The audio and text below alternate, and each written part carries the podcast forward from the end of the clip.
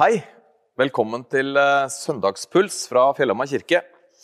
Jeg heter Espen og eh, skal få dele noen eh, tanker med dere. Dagens preken, eller mine refleksjoner, da, er henta med inspirasjon både fra dagens tekst I dag er det jo siste søndag før pinse. Og også fra torsdagens tekst, torsdag som var Kristi himmelfartsdag.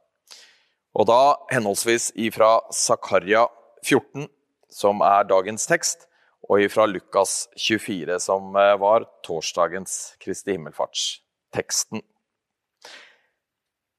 Jeg eh, lar det være opp til eh, de som ser på, de som hører på, å lese tekstene selv. Men jeg skal nevne hvor det står hen, i Zakaria og Lukas. Kapitlene er nevnt allerede, men Zakaria 14 fra vers 6 til 9 og Lukas 24 fra vers 46 til 53. Så les gjerne det etterpå. Disse tekstene er, er forholdsvis forskjellige, vil jeg si. Zakaria-teksten er hentet fra en tid hvor, hvor profeten, som virka i tiden etter fangenskapet i Babylon, etter eksilet i Babylon, var opptatt av at tempelet skulle bygges opp igjen. Det var den store oppgaven de hadde, å sette i stand tempelet når de nå hadde returnert fra Babylon. Samtidig så ser vi at Zakaria er opptatt av at israelsfolket skal eh, kunne se seg selv i det store bildet, kan vi si. Som en del av den større historien. I den tiden som Zakaria virket, så eh, hadde de en forventning om Messias sitt komme. Og Zakaria profeterer om det, at Messias skal komme. Eh, men han var altså opptatt av at folket, israelsfolket skulle se at de var en del av en større plan. Våre vers, som altså er hentet fra kapittel 14, 6-9, de handler kan vi si, både om en gud som virker streng, og om en gud som virker eh, mild. Streng i den betydningen at eh, det dreier seg om noe, ja, noe ekte, noe virkelig, men også noe alvorlig. En gud som hater det onde og som vil utrydde det onde, men òg om en gud som er mild, i den forstand at han elsker menneskene. Og han har en plan for menneskene, en frelsesplan. Og Zakaria har forhåpninger om, har eh, en eller annen eh, formening om, en drøm om, og profeterer da om at Messias skal komme. Og når vi leser eh, teksten fra Lukas, torsdagens tekst, Lukas 24, 46-53, så ser vi på en måte dette som, som Zakaria eh, profeterer om, blir oppfylt. Og Lukas skriver i hans navn skal omvendelse og tilgivelse for syndene forkynnes for alle folkeslag. Og dette er Guds store frelsesplan, som Zakaria flere århundrer tidligere ga et frempeik på. Og som han var opptatt av at israelsfolket skulle se eh, på en måte sin del av, sin oppgave av, der de holdt på med å bygge opp tempelet. I Lukas så ser vi det så tydelig. Det som er Guds vilje, Guds frelsesplan, det er noe som vi er invitert til å være med på. Ikke ved å ta oss sammen, men ved å bli utrustet med kraft fra det høye. Så for å si det litt sånn forenkla, ganske forenkla egentlig, så kan man kanskje si at disse to tekstene setter oss som tilhørere i dag, oss som deltakere i dag, inn i det store bildet. Inn i Guds store frelsesplan. Og israelittene, israelsfolket på Zakarias tid, var en del av det. De hadde sin oppgave. På Lukas sin tid, med disiplene, så var de en del av Guds store frelsesplan. Og i dag, i vår tid, så er vi en del av Guds store frelsesplan. Vi er alle en del av det store bildet.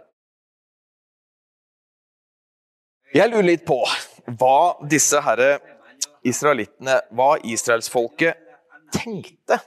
Hva de grunnet på, grublet på, og kanskje hvordan de tenkte.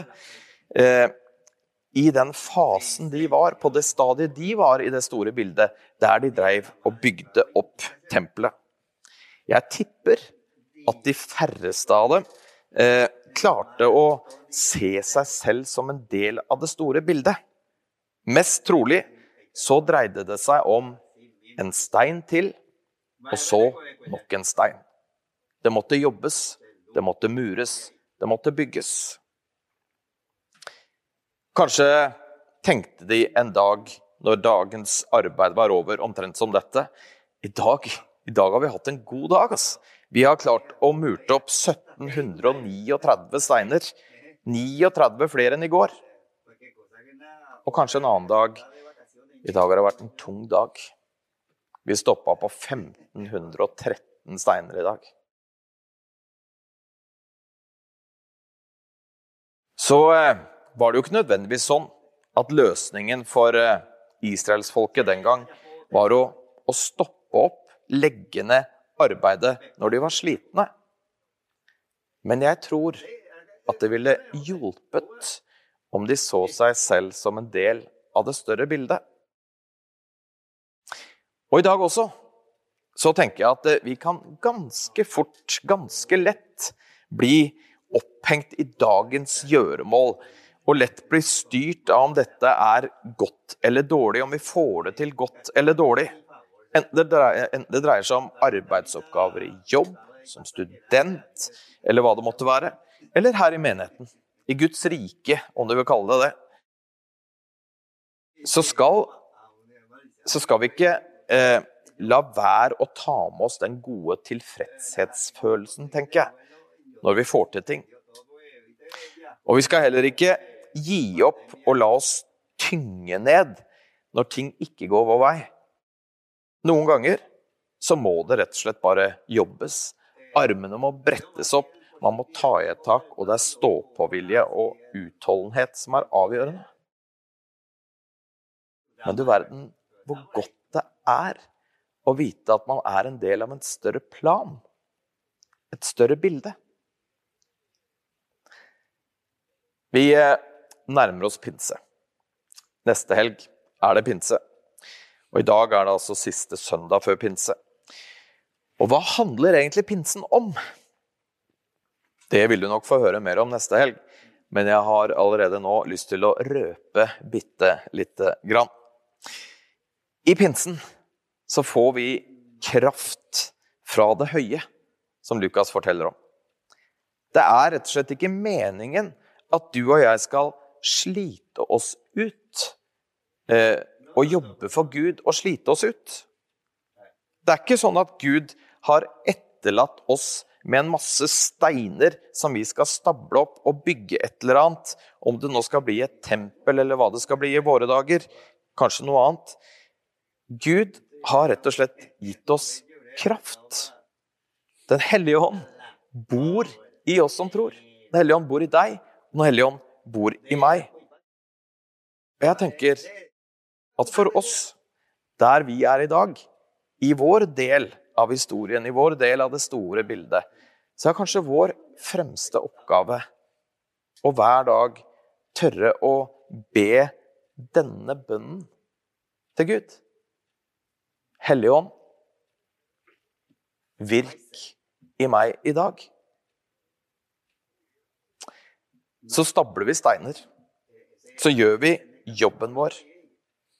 Men det er Den hellige ånd som virker i oss.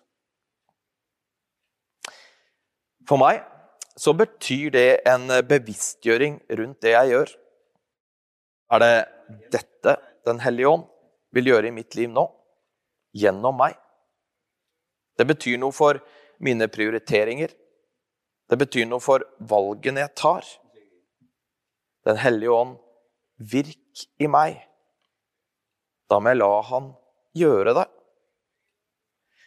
Men så betyr det også at jeg får slappe av. Rett og slett slappe av Gud, han har lovet å være med. Pinsen handler om det. Jesus dro ikke opp til himmelen igjen og etterlot oss som foreldreløse barn. Men han ga oss talsmannen Den hellige ånd, som bor i oss som tror. Og Gud, som har den store planen, bor i oss. Og vi får være en del av den planen. Hans plan. Det er ikke min hjemmesnekra arbeidsplan som jeg må ta meg sammen for å få til. Nei, det er Guds plan, og jeg får være en del av det. For meg er det forløsende. For meg gir det fred. Jeg har lyst til å eh, oppmuntre deg som ser på, deg som hører på, til å be denne bønnen hver dag. Hellige Ånd, du som bor i meg, virk i meg i dag. La oss gjøre det til vår daglige bønn. Amen. Ta imot Herrens velsignelse. Herren velsigne deg og bevare deg. Herren la sitt ansikt lyse over deg og være deg nådig. Og Herren løfte sitt åsyn på deg og gi deg fred. Amen.